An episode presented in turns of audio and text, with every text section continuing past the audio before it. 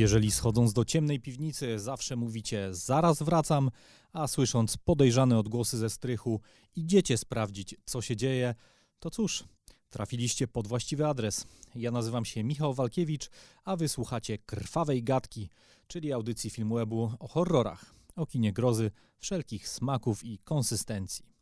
Witam Was w nowym odcinku podcastu, który może przez chwilę stał nad internetowym grobem, e, ale już nie stoi. E, praca nad przenosinami walkie-talkie z Nuance Radio do Filmwebu zajęła mi trochę czasu, co oczywiście poskutkowało tym, że miałem tego czasu mniej na nagrywanie kolejnych krwawych gadek. Ale dobra wiadomość jest taka, że już tu jestem, wróciłem i to nie z byle czym, bo z moim ulubionym filmem ubiegłego roku. Filmem, nie tylko horrorem. E, a także z jego prequelem, który jest prawie tak samo dobry. Ten film to X, a ten prequel to Pearl. Obydwa w reżyserii Ty Westa e, i obydwa w przededniu nie tylko pierwszej serii, ale też pierwszej trylogii w dorobku znanego, szanowanego i powszechnie kochanego nie tylko za horrory studia A24. E, będzie tę trylogię zamykać film Maxine czy Ma XXX In, oczywiście również w reżyserii Ty Westa. X jest dostępny w streamingu. Pearl można dostać na nośnikach Blu-ray i DVD. I nie mogę podkreślić tego zbyt mocno. Jeśli jeszcze nie widzieliście X i Pearl, nie słuchajcie tego podcastu. Obejrzyjcie te filmy. Jest w nich wystarczająco dużo frajdy i wystarczająco dużo zabawy i wystarczająco dużo atrakcji związanych z dziewiczym seansem, że słuchanie takiego podcastu przed obejrzeniem tych filmów może po prostu te filmy wam zepsuć. Nie tylko ze względu na spoilery. E, oczywiście, jeśli chodzi o X, tych spoilerów będzie więcej. E, to będzie coś na kształt e, bardziej, bardziej gruntownej analizy, na pewno dokładniejszej. Natomiast jeśli chodzi o Pearl, absolutnie zdaję sobie świadomość z tego, że mało z Was kto ten film widział i że być może dopiero się do tego przymierzacie, więc postaram się, żeby było to coś na kształt mini recenzji tego filmu. Ten segment będzie oczywiście odpowiednio krótszy i będzie raczej stanowił kontekst dla mojej dzisiejszej opowieści o filmie X. I oczywiście o Pearl postaram się mówić bezspoilerowo, a mogę obiecać już teraz, że nie będzie kluczowych, fabularnych e, spoilerów. E, dobrze, ponieważ wszystko już wiecie, znacie zasady gry, to robimy ciach i zaczynamy. Ty West, rocznik 1980 E, jest przedstawicielem jednego z nurtów w amerykańskim kinie niezależnym, e, którego szczerze nienawidzę. E, ten nurt to mumblecore, no i jak sama nazwa wskazuje, wspólnym mianownikiem filmów mumblecore'owych jest tytułowy mumble, czyli mamrot. To rodzaj nowoczesnego, opartego na naturalistycznych, często improwizowanych dialogach cinema verite. Niski budżet, źródłowa muzyka, naturalne oświetlenie, często lekkie ręczne kamery, E, kiedyś w latach 90. czarno-biała taśma, dziś nieco tańsze nośniki cyfrowe. E, to jeśli chodzi o techniczną bazę Mumblecore'ów, e, no ale oczywiście dominantą jest sama tematyka. Mumblecore to filmy o dojrzewaniu, o skomplikowanych miłosnych relacjach, o kidalcach trwających w takim wiecznym okresie bezdecyzyjnym, o cienkiej granicy oddzielającej młodość od dojrzałości. Mogą być komediami, mogą być horrorami, dramatami, mogą być w zasadzie wszystkim, e, no bo chodzi tutaj raczej o pewne pokoleniowe rozdanie. E, Mark Dupla, Joe Swanberg, Greta Gerwig, Aaron Katz, Andrew Bujalski. Fanom wrocławskich Nowych Horyzontów na pewno nie trzeba przedstawiać tych ludzi. Mm, a ja z kolei nie mam zamiaru odmawiać znaczenia samemu nurtowi Mumblecore, e, tak w obrębie samej branży bo w końcu mnóstwo artystów po swoim okresie mumblecore'owym nasyciło Hollywood tą autorską, indywidualną wrażliwością, e, jak i w obrębie szerszym, kulturotwórczym, e, no bo na pewno jest to taka sfera kina, która w pewnym sensie programowo zagarnia artystycznie wiele współczesnych problemów, obsesji i lęków, głównie społecznych, mm, ale nie tylko. E, mam natomiast z Mumblecorem trochę tak jak z francuską nową falą. Znaczy nie lubię kina, które już w statucie ma wpisaną pewną niedoskonałość struktury, pewną elastyczność, jeśli chodzi o sam język filmowy, pewien fundament w postaci literatury, która bardzo często zastępuje na ekranie e, kino. Mm, cóż, no, każdemu jego porno, e, to po prostu nie jest moje porno nigdy nie było, tak w przypadku nowej fali, jak i Mumblecore'u, które wydaje mi się dość podobne, jeśli chodzi o założenia, jeśli chodzi o też często warunki realizacyjne jeśli chodzi o jakąś nadrzędną filozofię kina. E, poprzednie filmy Ty Westa e, były horrorami o najróżniejszej tematyce. Pierwszy, Rust, to była polifoniczna historia o żywych trupach i o grupce ludzi walczących z zainfekowanymi, krwiożerczymi nietoperzami. E, coś w sam raz na współczesne, postpandemiczne czasy. Triggerman to była z kolei opowieść o facecie z karabinem, który polował na przypadkowych turystów. Coś w stylu Wolf Creek, tyle że na amerykańskiej ziemi, a nie na australijskich bezdrożach. E, najlepiej oceniany House of the Devil e, był pastiszem klasycznych horrorów spirytualistycznych i zarazem dialogiem z ich tradycją. Mm, z kolei Sacrament to było kino o sekcie zrealizowane w konwencji found footage, która też była e, w w pewnym momencie, czyli powiedzmy gdzieś w, w, drugiej połowie pierwszej dekady lat 2000, bardzo popularna i tak naprawdę zagarnęła dla siebie cały mainstreamowy horror. Ma też filmografii Śmiertelną Gorączkę 2, pod którą nie chciał się podpisać. No i cóż, Śmiertelna Gorączka 2 to po prostu sequel Śmiertelnej Gorączki 1, czyli filmu Elego Rota, slashera, w którym miejsce faceta z siekierą w masce e, albo jakichś demonicznych sił zajął oczywiście morderczy wirus. Wszystkie te filmy są w pewnym sensie ciekawe i wszystkie flirtują jakoś z kolejnymi podgatunkami horroru. Wszystkie są też nieźle napisane i na papierze powinny mi się podobać. Ale wydaje mi się, że to, czego w nich brakuje i czego zawsze brakowało, to jest jednak jakiś rodzaj transgresji gatunkowej, estetycznej, tematycznej, stylistycznej, w zasadzie jakiejkolwiek.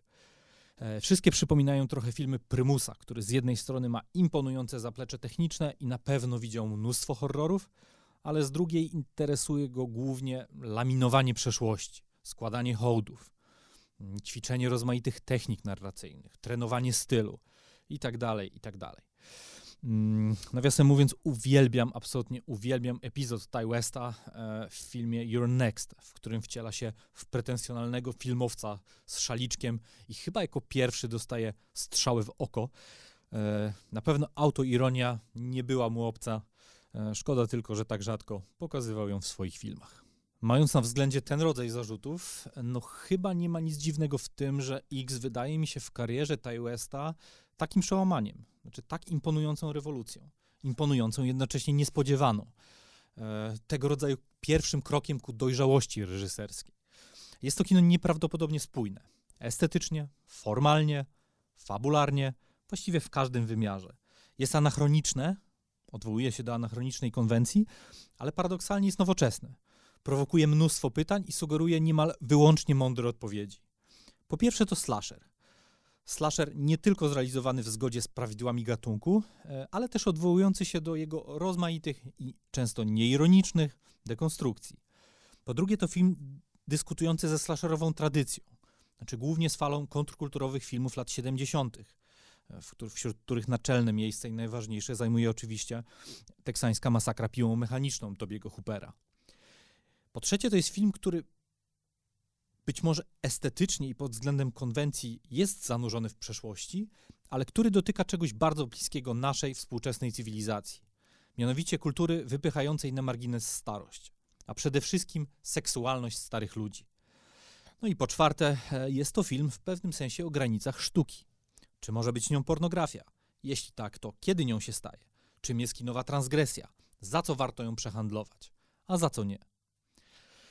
X odpowiada na te pytania w sposób, który, którego nie potrafię się nachwalić. E, I który w moim przekonaniu jest absolutnie nie do przecenienia, nie tylko w skali horrorów współczesnych, ale kina w ogóle. E, wykorzystuje w tym celu pewnego rodzaju magmę estetycznych, tematycznych i narracyjnych rymów. E, czasem w postaci korespondujących ze sobą scen, a kiedy indziej w formie tak zwanego foreshadowingu, czyli pewnej antycypacji przyszłych wydarzeń, która jest w X jednocześnie jest jej bardzo dużo i jest niezwykle subtelna. E, no to jest kino wielokrotnego użytku, które za pierwszym razem sprawia sporą przyjemność, ale za drugim i za trzecim i za czwartym zamienia nas w tego odzianego w surdut i cierpliwie tropiącego znaki konesera sztuki filmowej. Znacie na pewno mema o Kubusiu Puchatku, który siedzi w fotelu i, i, i przechodzi, w, przechodzi przez te różne stadia wyrafinowania. To my, to, to my w trakcie kolejnych seansów filmu X. Film rozpoczyna się w opuszczonym domu na teksańskiej prowincji, gdzie policja dokonuje makabrycznego odkrycia. E, jakiego odkrycia? Tego na razie nie wiadomo. Widzimy jedynie przerażoną twarz policjanta i klasyczne zdanie: O mój Boże. E, to jest cold open, klasyczny cold open i jest tak krótki i tak kliszowy, że w zasadzie ociera się o pastisz. Natomiast jego znaczenie w kontekście reszty filmu wydaje mi się, że jest nie do przecenienia, o czym oczywiście później. E, w kolejnej scenie cofamy się o 24 godziny, e, no i jesteśmy w sunącym przez amerykańskie bezdroża minivanie.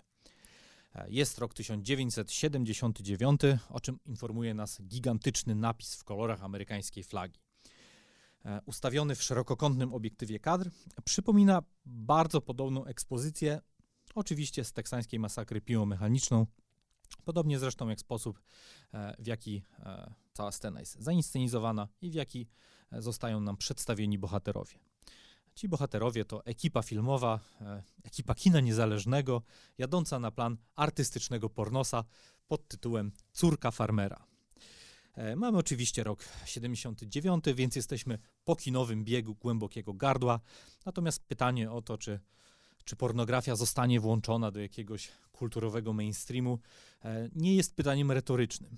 Jakby wszystko jest w toku i nie nadeszła jeszcze e, era wideo. Pornografia w mainstreamie nie została e, e, w żaden sposób zdyskredytowana kulturowo, więc cały czas jest to dość zasadne.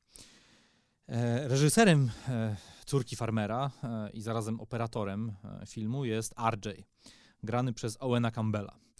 E, który e, jest takim tak naprawdę cichym, slasherowym e, bohaterem drugiego planu i gwiazdą, bo ostatnio powtórzyłem sobie też remake Evil Dead w reżyserii Fedego Alvareza, no i tam też ma dość, dość interesującą rolę. Mm, Archer jest pretensjonalny, jest zakochany we francuskiej nowej fali, oczywiście, i chce, pada tam piękny cytat, nasycić córkę farmera awangardową wrażliwością, cokolwiek to znaczy. E, na mocy właściwie rymującego się już w obsadzie typażu postaci, jego partnerką e, zostaje na ekranie dziewczyna, która oświetla plan. Jest odpowiedzialna za światło, czyli Lorraine. Grana przez e, ulubienicę, nasze, właściwie ulubienicę chyba wszystkich po Wednesday. Chciałem powiedzieć ulubienicę fanów horrorów z ostatnich paru lat, ale tak naprawdę ulubienicę całego świata, czyli Jenę Ortega. E, Ortegi raczej nie trzeba nikogo, nikomu przedstawiać, e, no zwłaszcza dziś. E, to jest kolejny kamyczek tak naprawdę na drodze do zostania współczesną królową krzyku. X, opiekunka, sequel opiekunki oczywiście, Wednesday, no i oczywiście Krzyk, czyli Krzyk 5 i Krzyk 6. W tych wszystkich filmach się pojawiła, no i te wszystkie filmy scementowały chyba dzisiaj jej status jako największej tak naprawdę horrorowej gwiazdy. Lorraine jest kimś w rodzaju fałszywej Final Girl. To znaczy jest pruderyjna, przynajmniej do czasu, w którym przestaje być, no tym później. E, jest e, konserwatywna, e, cały czas poddaje wątpliwość w ogóle sens tego przedsięwzięcia. Przede wszystkim sens tego przedsięwzięcia jako przedsięwzięcia artystycznego, o czym cały czas mówi RJ. Natomiast to co, mnie, to, co od początku niepokoi w kontekście jej szans na przeżycie, to jej protekcjonalny stosunek wobec reszty, reszty postaci który jest zrozumiały na planie fabularnym, ale jeśli chodzi o element konwencji, no tak jakby sugeruje, że być może nie jest to wbrew naszym oczekiwaniom i przewidywaniom opartym głównie na znajomości konwencji e, Final Girl, tylko będzie nią e, kto inny. Drugi duet stanowią aktorzy, którzy będą uprawiać seks przed kamerą. W córce farmera oczywiście. Ona to Bobby Lynn, wystylizowana na gwiazdy złotego okresu kina porno lat 70. Brittany Snow. Z kolei on e, to weteran z Wietnamu, e, wystylizowany na gwiazdy Black Exploitation, Scott Mescudi. E, czyli oczywiście znany chyba szerzej jako Kid Cudi. Powiedziałem o nich trochę jak o, o, stereotypach, natomiast wszystkie te slasherowe figury są to pełnokrwiste i skomplikowane postaci. I Bobby Lynn jest chyba tego najlepszym przykładem, bo pod stereotypem kryje się tutaj bardzo zaskakujące połączenie cynizmu, bohaterki, która jest ewidentnie produktem własnego życiowego rozdania i backgroundu społecznego, ale jest w niej też czysta frajda z eksponowania własnej seksualności, jest w niej wrażliwość i jest w niej jakiś rodzaj emocjonalnej inteligencji, której zdecydowanie brakuje reszcie bohaterów w tym filmie. E, no i wreszcie trzeci duet, czyli śliski producent grany przez Martina Hendersona, e, też zresztą horrorowego weterana, bo chociażby Ring amerykański, czyli lepszy, ale postarajcie się nie odnosić do tego w komentarzach, e, oraz Maxine, czyli nominalnie główna bohaterka, no i zarazem klucz do całej konwencji. I to nie do jednej konwencji, aż trzech, ponieważ Eve Pearl, Eve X i w zbliżającym się Maxine to, to właśnie grająca tę bohaterkę Mia Goth jest narracyjnym i tematycznym e, spoiwem. E, w Maxine kotłują się w zasadzie dwie siły. Znaczy jedna to niewinność i naiwność, którą sugeruje się głównie przez kostium i przez mm, taką no, urodę podlotka e, Mii Goth, e, a druga to determinacja, którą unaocznia fakt, że Maxine chce zostać gwiazdą porno, a Wayne z kolei jest w tym filmie po to, żeby bardzo aktywnie to pragnienie podsycać. E, mówi do niej o, te, o, o, mówi factor X, czyli mówi o tym czynniku X, czyli tym nieuchwytnym czymś, tej nieuchwytnej jakości, która z pozornie e, zwykłej dziewczyny jest w stanie uczynić gwiazdę. E, w zasadzie cały pierwszy akt filmu bazuje na podobnych kliszach. Znaczy, bohaterowie docierają na farmę, e, farmę Howarda i Pearl, czyli ludzi, którzy użyczyli im planu zdjęciowego, nie wiedząc tak naprawdę e, o tym. Bardzo szybko zresztą dochodzi do spięcia Wayne'a z, z Howardem, czyli z właścicielem, który, jak się okazuje, no nie ma bladego pojęcia, że na miejscu będzie kręcone kino dla dorosłych. Mm, bohaterowie wrzucają, jakby rzucają kotwicę w, w domku gościnnym e, i po kapitalnej linijce dialogu, znaczy obnażającej w zasadzie całą autotematyczną warstwę filmu, czyli czas zobaczyć to, po co wszyscy tu e, jesteśmy, tak? Czyli czas zacząć kręcić sceny seksu, czas zacząć uprawiać seks. Wszyscy ruszają do pracy, czyli zaczynają uprawiać seks. Sceny erotyczne w tym filmie są zrealizowane z bardzo dużym wyczuciem. Znaczy są jednocześnie podniecające, są zabawne, jak moment, kiedy Bobby Lin, orientując się jakby, że kamera jest już włączona, błyskawicznie uruchamia swój jakby typowy orgazmiczny wyraz twarzy. E, ale są też momenty, w których e, seks odsłania tu no, mroczną podszewkę całej e, opowieści. Na przykład w późniejszej scenie z udziałem Maxine. Seks nie jest w X ani demonizowany, ani uwznioślony. Znaczy jest, jest bezinwazyjnym i absolutnie naturalnym elementem konwencji, co rymuje się dość dobrze z naturą slasherów z lat 70. i z drugiej strony, co zaprzecza naturze późniejszych filmów z tego gatunku, w których erotyczne przygody bohaterów były zazwyczaj piętnowane. E, to jest również moment, w którym dochodzi do pierwszego spotkania Maxine z Pearl, czyli ze starszą kobietą, która, żoną Howarda, która, mm, który wynajmuje bohaterom e, swoją, mm, swój domek gościnny przy swojej posiadłości. I to jest też moment, w którym razem z tym spotkaniem Maxine z Pearl E, X z bardzo prostego i przepięknie wystylizowanego slashera zamienia się w coś znacznie większego i coś znacznie bardziej skomplikowanego.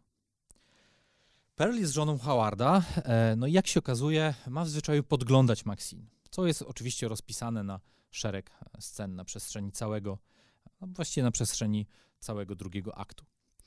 W kolejnej scenie, która jest też inspirowana teksańską masakrą piłą mechaniczną, zwłaszcza jeśli chodzi o kompozycję wewnątrz kadru, e, jeśli chodzi o rodzaj oświetlenia e, naturalnego i tak dalej. E, dziewczyna, to jest Maxine, udaje się za Pearl do domu, no i spędza z nią kilka chwil. Znaczy ogląda zdjęcia z jej młodości, którą Pearl spędziła z mężem, ale też samotnie, bo, bo Howard jest weteranem dwóch wojen. Łapczywie wypija szklankę lemoniady i w tych kilku fenomenalnych właściwie winietkach zmienia się w optyce Perl zarówno w obiekt zazdrości, jak i pożądania. E, skontrastowana z Pearl Maxine jest w tym momencie żywiołem witalności, cielesności, no i przede wszystkim seksualności, która, jak się wkrótce dowiemy, jest dla Pearl i w życiu Pearl bardzo, bardzo istotna. Co najważniejsze, staruszka, czyli, e, czyli Pearl, grana jest również przed skrytą pod kilogramami makijażu i schowaną za cyfrowym retuszem speców z wielkiego Weta Workshop Mie Goth. E, I krytyka tego elementu chyba jest jedną z najzabawniejszych rzeczy, jaką słyszałem w kontekście X. E, bo wydaje mi się, że głupota tego argumentu oscyluje na granicy absurdu. Pearl i Maxine są nie tylko dwiema stronami tej samej monety, to znaczy z slasherowym zagrożeniem oraz Final Girl. Wydaje mi się, że w szerszym metaforycznym sensie są własną przeszłością, pełną chuci, pełną nadziei, które jeszcze dało się zrealizować, pełną lęków, marzeń, ale są też swoją przyszłością, pełną rezygnacji, przyszłością uwięzioną dosłownie w rozpadającym się ciele i pełną beznadziei. I przez cały film, nawet nie będąc razem na ekranie, bohaterki przeglądają się w sobie, zmierzają do jednego punktu, w którym cała ta potencjalna równoległość ich losów zostanie sprasowana do jednego aktu przemocy. E, tym spoiwem jest oczywiście seks, tym co łączy bohaterki. Pearl podgląda Maxine w trakcie kręcenia jej pierwszej sceny pornograficznej, która swoją drogą dzięki bardzo miękkiemu oświetleniu, skupieniu kamery na detalach oraz takim epifanijnym reakcjom reszty obsady, ma bardzo paradoksalną aurę. To znaczy aurę czegoś w rodzaju świętego bluźnierstwa. Pearl zazdrości Maxine nie tylko młodego ciała, ale i dostępów do seksu w ogóle. E, to, co dzieje się później, znaczy zanim padną pierwsze trupy, jest być może moją ulubioną częścią całego filmu. E, a sprowadza się do dwóch scen, do dwóch absolutnie wybitnych scen. E, pierwsza z nich to scena, w której Pearl wraca do Howarda i próbuje zachęcić go do seksu. Wcześniej widzimy ją, jak maluje się przy, przy, przy lustrze, robi makijaż. Dowiadujemy się z niej, że stan zdrowia Howarda, a konkretnie jego serca, e, nie pozwala na seks, tak, nie pozwala na tego rodzaju spełnienie. I dostajemy moment, który jest ba bardzo przeszywający i bardzo zaskakujący, jak na, jak na coś, co flirtuje z, ze slasherem. Znaczy, moment autentycznego smutku. E, takiego, który, e, który jest uderzający, no bo odnosi się do uniwersalnego lęku przed, przed starością i przed starością związaną przede wszystkim z jakimś, e, z jakimś rozpadem ciała. E, jeśli chodzi o drugą scenę, to jest to scena rozmowa, rozmowy całej ekipy, filmu, ekipy, ekipy filmowej, w której wszystkie najważniejsze tematy filmu, czyli przemijanie, starość, seks jako pełnia życia i zarazem jako pędku śmierci, zostają wzięte pod lupę. Sednem pierwszej sceny jest bezbrzeżny smutek, to znaczy emocje, które malują się na twarzy Pearl po odrzuceniu przez Howarda, są dla mnie jednymi z najbardziej, znaczy są jedną z najbardziej przeszywających emanacji smutku, bólu i melancholii, jakie widziałem w kinie w ogóle, nie tylko w horrorach w ostatnich latach. Natomiast sednem drugiej sceny jest opowieść o nieuchronności losu. Kiedyś będziemy za starzy, żeby uprawiać seks.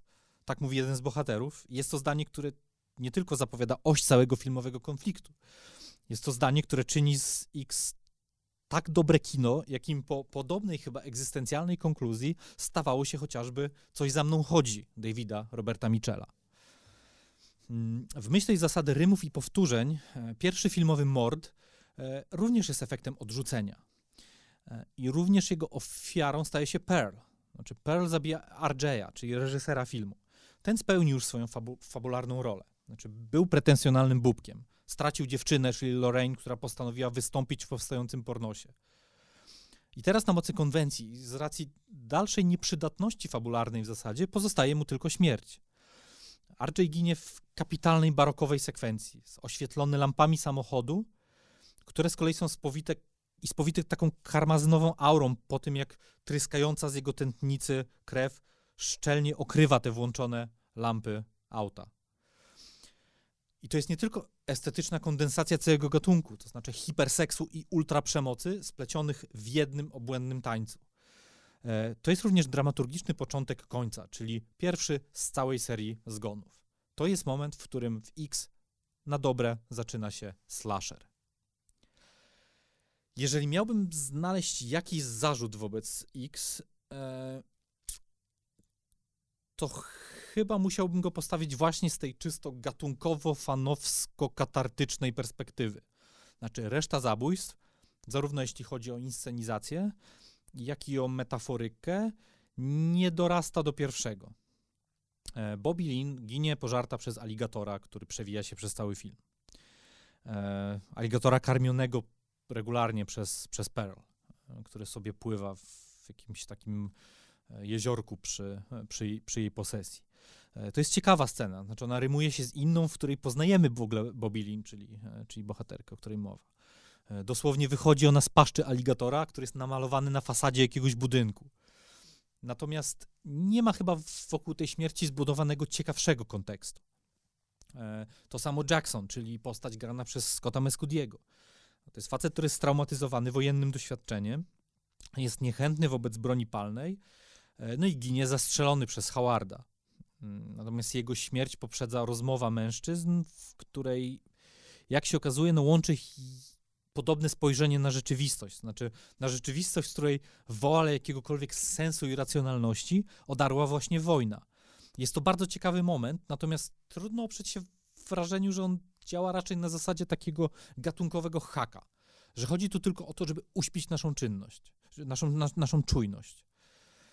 Mm. Lorraine też zostaje zastrzelona. Znaczy, tuż po tym, jak symbolicznie powraca do swojego konserwatywnego mindsetu i zaczyna oskarżać Maxine o sprokurowanie całego rozgrywającego się wokół koszmaru. Scena działa jako twist. Śmierć jest nagła, śmierć Lorraine jest nagła, niespodziewana. Nie spodziewamy się też, że, że Jenna Ortega nie będzie final girl, że zginie i tak dalej, i tak dalej. Natomiast z punktu widzenia jakiegoś takiego metaforycznego sensu, no też nie, nie dorasta do tego, co się dzieje w scenie z, z umierającym RJ. E, Wayne to samo, zostaje dźgnięty przez Pearl widłami w oczy, w trakcie oczywiście aktu podglądactwa. Mm, trochę za łatwe to wszystko chyba jest i, i chyba zbyt mocno stojące w takiej opozycji do subtelniejszych warstw filmu. Jakby rozumiem, że to jest pewna gatunkowa danina, ale mimo wszystko. Mm, jeśli działa, e, to raczej, raczej ma takie znaczenie czysto fabularne. Znaczy, na przykład działa jako właśnie przerwanie narracji o Lorraine jako finałowej dziewczynie, nie? Albo, e, albo na przykład na przykład działa jako, e, jako domknięcie tego, tego wątku z, z Jacksonem, tak, który jest straumatyzowany wojną i jak na ironię zostaje, zas, chyba mówi w jednym momencie, że nigdy już nie dam się zaskoczyć przez wieśniaka z, z, z Giverą. I dokładnie to się dzieje, tak? Zostaje zastrzelony przez Howarda, który yy, buduje się tu jakiś rodzaj takiej ironicznej klamry. Ale wydaje mi się, że jest to mimo wszystko, za bardzo to przypomina takie, e, no takie chwyty, takie dekonstru... Takie chwyty w klasycznej slasherowej dekonstrukcji. I to mi troszkę przeszkadza, mając na względzie, jak, jak dobra jest ta pierwsza scena, w której, w której Pearl po tym, jak zostaje odrzucona, zabija e, RJ'a. E, sednem trzeciego aktu filmu no jest oczywiście wielkie finałowe starcie, starcie Maxine i Pearl. Poprzedza je scena erotyczna pomiędzy staruszkami, wobec której e, też było mnóstwo e, zarzutów no i wobec której krytyka wydaje mi się jednak troszkę bardziej uzasadniona. Chociaż nie do końca. Znaczy, doświadczamy tej sceny z perspektywy Maxine, która ukrywa się pod łóżkiem, na którym z kolei Pearl i Howard wreszcie po latach uprawiają seks. E, no i zarzuty dotyczą oczywiście samej inscenizacji, to znaczy w, w obiektywie operatora Eliota Rocketa i dzięki językowi filmowemu, czyli głównie statycznym kadrom, statycznemu kadrowi z boskiej perspektywy, ten akt seksualny jest nie tylko groteskowy, ale też no, jest po prostu obrzydliwy. Mm, no i cóż, no, to co dla jednego rabina jest demonizowaniem seksualności starych ludzi, zaprzeczeniem całej idei filmu, myślę, że dla, dla drugiego będzie jednak jej najmocniejszą eksplikacją. Znaczy, to jest w końcu scena, która znaczy, nawet nie w pewnym sensie, ona dosłownie podąża za tradycyjną kulturową optyką, w ramach której młodych i nagich ciał nie utożsamia się z żadnego rodzaju potwornością, natomiast o starych myśli się w tych kategoriach. E, no i wszystkie te wątki spotykają się w finale, w którym Howard po pierwszym od lat seksualnym spełnieniu e, umiera na zawał serca, e, po tym jak ciałem zastrzelonej Lorraine wstrząsają pośmiertne drgawki. E, jest to, no jest to, ten rodzaj czarnego humoru lubię i wydaje mi się, że to też jest taka rzecz, którą X jest mocno inkrustowany. E, mała zboczona dziwko, skończysz dokładnie tak jak ja, e, krzyczy Pearl do Maxine, pewnym sensie podsumowując ich wspólną, e, wspólną drogę. E, Maxine odpowiada jej zdaniem, które powtarzała przez cały film, które było jakiegoś rodzaju leitmotivem też w tekście. Nie zgodzę, nie zgodzę się na życie, na które nie zasługuję. E, Maxine strzela, e, pistolet nie wypala, Pearl sięga po strzelbę, e, no i mamy kolejną erupcję czarnego humoru, ponieważ odrzut po, po wypaleniu z tej strzelby wyrzuca ją przez drzwi i absolutnie masakruje jej biodro. To zresztą znów było, e, było elementem foreshadowingu, bo wcześniej jest dialog, w którym, e, w którym mm, Howard ostrzega, że Pearl może spaść ze schodów czy, czy, czy skądś tam i, i złamać sobie biodro, które nie jest w, w najlepszym stanie. E, jeśli chodzi o finałowe fatality, no to zostaje dopełnione za pośrednictwem zaparkowanego niedaleko pick-upa. Przejeżdża Pearl i tworzy się coś w rodzaju takiej ironicznej, rymującej się znowu z finałem teksańskiej masakry e, kody, w której, w której główna bohaterka jest e, no, w, jakiej, w jakimś stopniu w, uwznieślona, wyemancypowana i jedzie ku, e, ku przyszłości, tak? ku przyszłości, w której nie będzie godziła się na życie, na które nie zasługuje.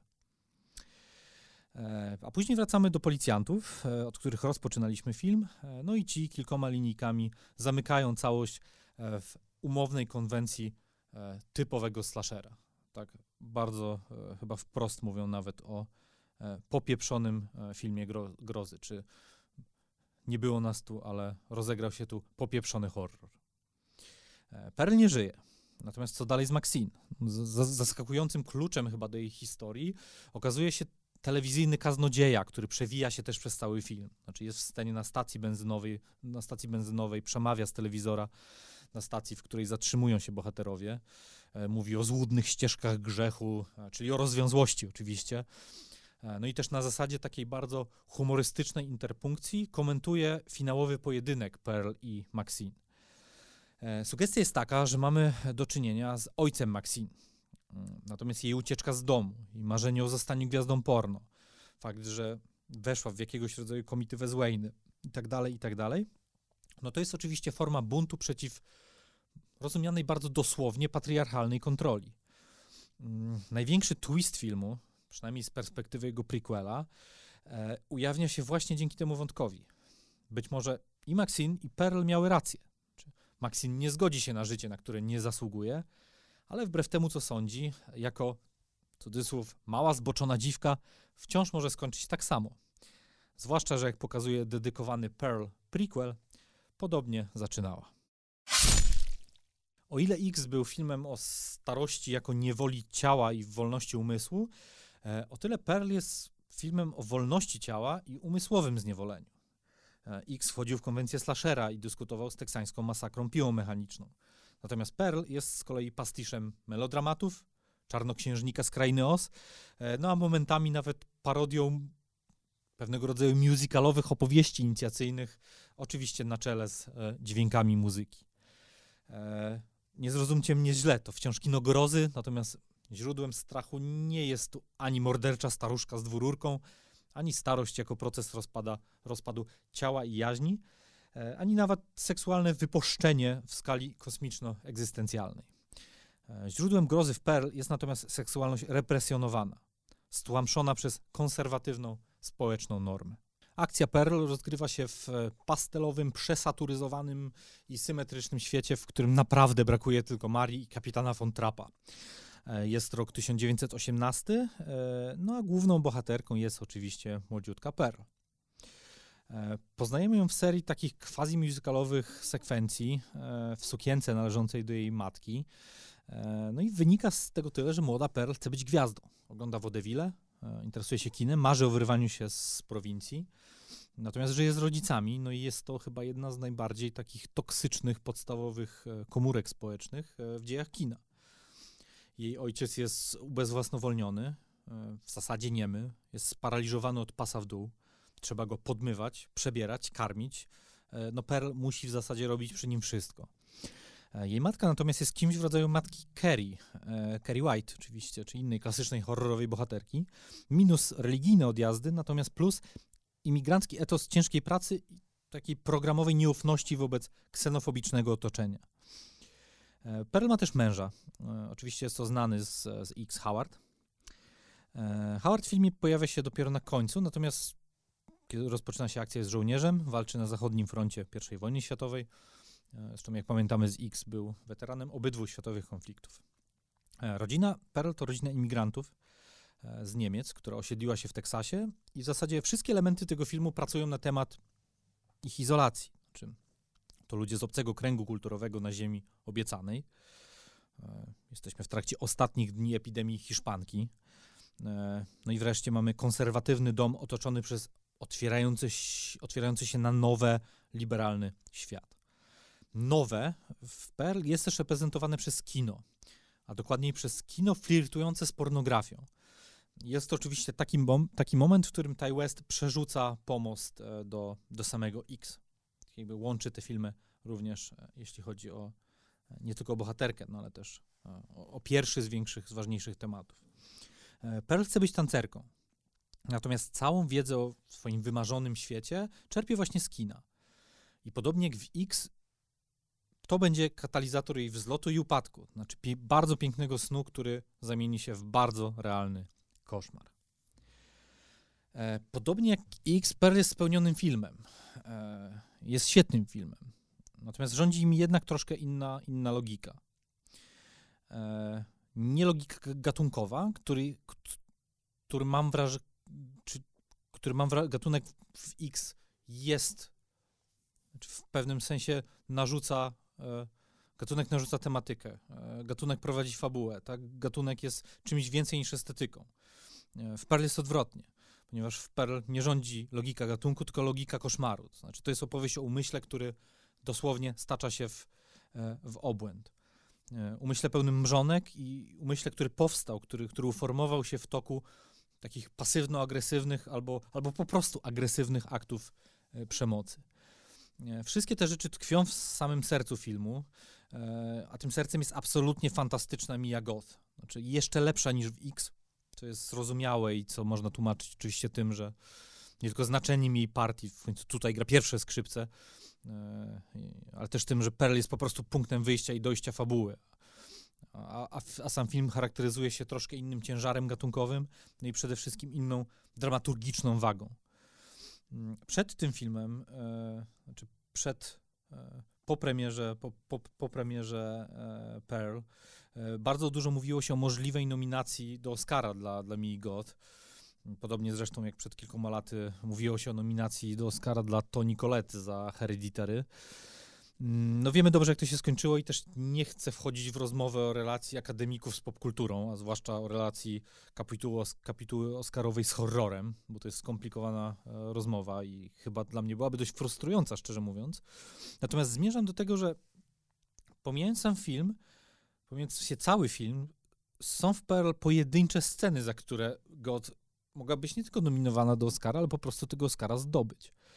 Jedna z nich to jest chyba słynny już ośmiominutowy, nakręcony w jednym płynnym ujęciu monolog. E, Pearl siedzi przy stole ze swoją bratową e, i w takim przepięknym, atonalnym, pełnym pauz, przyspieszeń i najróżniejszych, e, przede wszystkim no, nieprawdopodobnym od strony ekspresji i, i, i mimiki monologu no, mówi o swoich obsesjach, o swoich nadziejach, o przede wszystkim swojej chorobliwej ambicji, no i też podsumowuje swoje mordercze dokonania. Nie wiem na ile to jest duży, duży spoiler, ale wydaje mi się, że e, idąc na film Pearl, mając w pamięci film X, wiemy dobrze, że, e, że, no, że, że Pearl jest morderczynią, czy że będzie morderczynią, że, że do tego zmierza jej droga. E, druga z tych scen to jest finałowe ujęcie filmu, czyli delikatny, czyli, czyli oblicze, właściwie z, znowu w statycznym kadrze oblicze e, Pearl, które przypomina o tym, że ciało może być najlepszym podmiotem i przedmiotem sztuki, ale to twarz jest najbardziej intrygującą materią filmową. Znaczy, na twarzy tej aktorki malują się wszystkie emocje, które tłumiła przez cały film. Wszystkie, które eksplodowały w pewnych momentach. E, tutaj zderzają się ze sobą często w obrębie pojedynczych grymasów. To jest coś nieprawdopodobnego i są to i grymasy, i ujęcia i sceny, których naprawdę, naprawdę długo nie, e, nie zapomnicie i wydaje mi się, że e, już te dwie, już te dwie sceny absolutnie predestynowałyby mi jego do tego, żeby, żeby, odegra, e, żeby odebrać Oscara po prostu, albo przynajmniej, żeby odebrać nominację.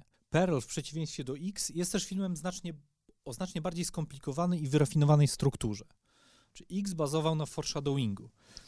Niemal każda śmierć była zapowiedziana jakąś wymowną linijką dialogu, no i była najczęściej związana z jakimś lękiem bohaterów.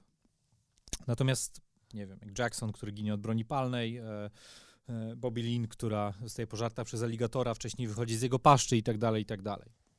Natomiast Pearl z kolei ma strukturę, w której nadrzędną rolę spełniają piętrzące się metafory.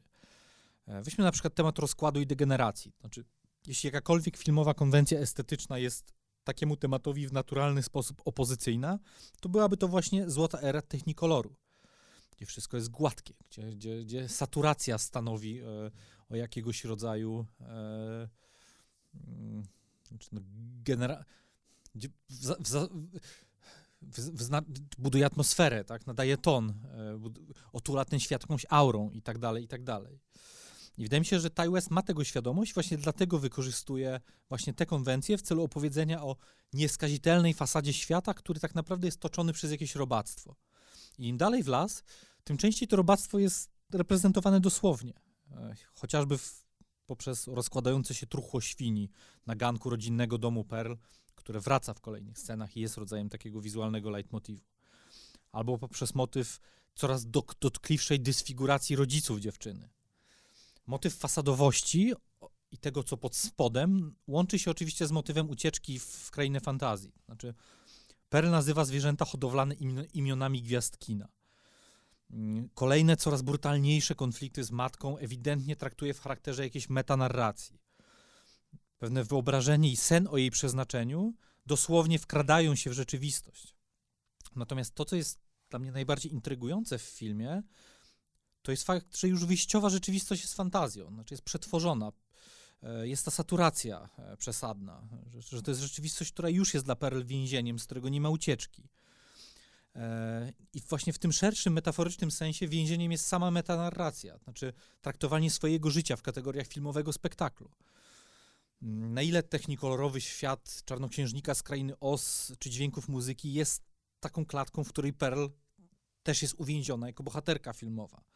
Na pewno jest to w tym filmie istotne i na pewno koresponduje z motywem jej obłędu e, spowodowanego no, e, innym, innymi rzeczami. E, prequel kręcony był równocześnie z X, e, do, kin, do kin wszedł w tym samym roku i myślę, że poza faktem, że West mógł sobie zaplanować jakąś korespondencję wszystkich wątków z obydwu filmów, no to byłem przed seansem raczej sceptyczny.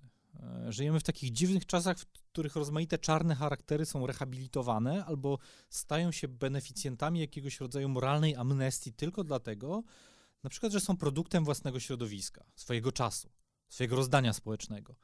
E, na przykład Joker Toda Phillipsa w wydaniu e, Hakina Phoenixa. Albo Cruella Demon grana przez Emma Stone. I byłem absolutnie przekonany, że na 100% do czegoś podobnego dojdzie w Pearl. Znaczy już w X-Perl była postacią, której mogliśmy współczuć. Przynajmniej przez chwilę, do czasu, że nie zaczęła wszystkich brutalnie mordować.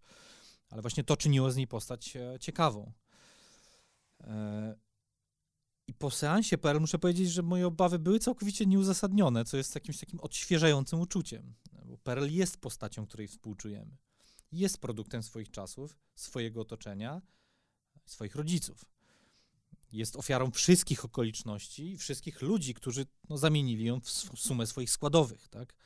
Ale jest też sumą swoich decyzji wszystkich. Jest socjopatką, której w żadnym momencie nie jest przyznana moralna racja. Przez żadną linijkę scenariusza, żaden środek stylistyczny, żaden chwyt reżyserski, żaden rodzaj emocjonalnego szantażu. I wydaje mi się, że zwłaszcza dziś coś takiego wymaga bardzo dużej reżyserskiej, scenariopisarskiej precyzji, ale chyba przede wszystkim no, potężnej samokontroli. Także tutaj czapki z głów. W tym momencie zrobię przerwę, ponieważ nie wiem, ilu z Was e, miało okazję obejrzeć Pearl. Tak jak mówiłem, no jest, to, jest to film relatywnie jeszcze nie, e, nieoglądany przez, przez fanów horrorów, bo chyba, że po prostu ktoś kocha horror na tyle, żeby importować Blu-raye. Pearl jest powszechnym, powszechnym krytyczno-filmowym przekonaniu filmem lepszym, co jestem w stanie zrozumieć, bo też jest po prostu oparty, czy odwołuje się do bardziej scenionych konwencji, tak, które są wdzięczniejszym ma materiałem chyba do analizy, e, nie mówię filmoznawczej, ale w ogóle do analizy krytycznej. Slasher wydaje mi się wciąż gatunkiem dość wzgardzonym, chociaż oczywiście, no, nawet jeśli ktoś próbuje rozprężać ten gatunek, no to tak jakby slasher ciężko znosi rywalizację na przykład z tym, co się dzieje teraz w post-horrorze i tak dalej. Wydaje mi się, że uniwersalnie Peril jest uznawany za, za, za film lepszy, natomiast ja chyba jednak wolę X, e, być może dlatego, że, że jest takim punktem pivotalnym w całej trylogii. Znaczy w, w najbardziej oczywistym sensie opowiada o teraźniejszości Pearl i o teraźniejszości e, Maxine. E, I oczywiście nigdy nie posunął mi się do czegoś takiego, żeby nazwać Pearl jakiegoś rodzaju przypisem, tak, czy, e, czy, niepotrzebnym prequelem, czy czymś takim. Jest to absolutnie spełnione kino. E, natomiast wydaje mi się, że to, co, że najciekawsze rzeczy, które się dzieją z obyd, z Pearl, dzieją się mimo wszystko w X, w, w tym sensie, że to jest troszkę tak jak z, z Jokerem i z Batmanem i z, z wieloma innymi postaciami w popkulturze, które przeglądają się w sobie, że w pewnym sensie E, to, co w nich najciekawsze, to, e, to jest jak, jakiś rodzaj relacji z tym, co widzą w lustrze, tak? Albo z e, jakiś rodzaj relacji pomiędzy jedną a drugą stroną monety.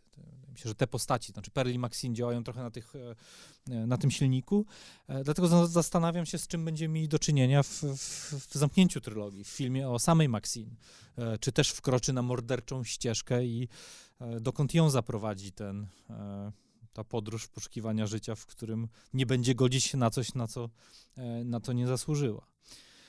E, słuchajcie, e, tyle jeśli chodzi o opowieść, moją opowieść o, o filmie X i e, o filmie nieco krótszą, o filmie Pearl. Oczywiście zachęcam was do tego, żebyście dali szansę tym, tym, tym dwóm filmom. A jeśli do tej pory z jakiegoś powodu nie patrzyliście ciepło na filmografię Ty Westa, tak jak ja, to będą to na pewno doskonałe produkcje do tego, żebyście doskonała szansa na to, żebyście po prostu zmienili o nich zdanie. E, ja się odmeldowuję. E, dziękuję Wam bardzo za e, uwagę. Przede wszystkim za to, że czekaliście wytrwale na kolejną krwawą gadkę. Mam nadzieję, że nie będę kolejny raz obiecywał, że się poprawię, bo już chyba zdążyliście się, zorientowaliście się, jak to działa w moim przypadku. Słuchaliście krwawej gadki. Mówił do Was Michał Walkiewicz i mam nadzieję, że słyszymy się szybciej niż myślicie. Do zobaczenia. Cześć.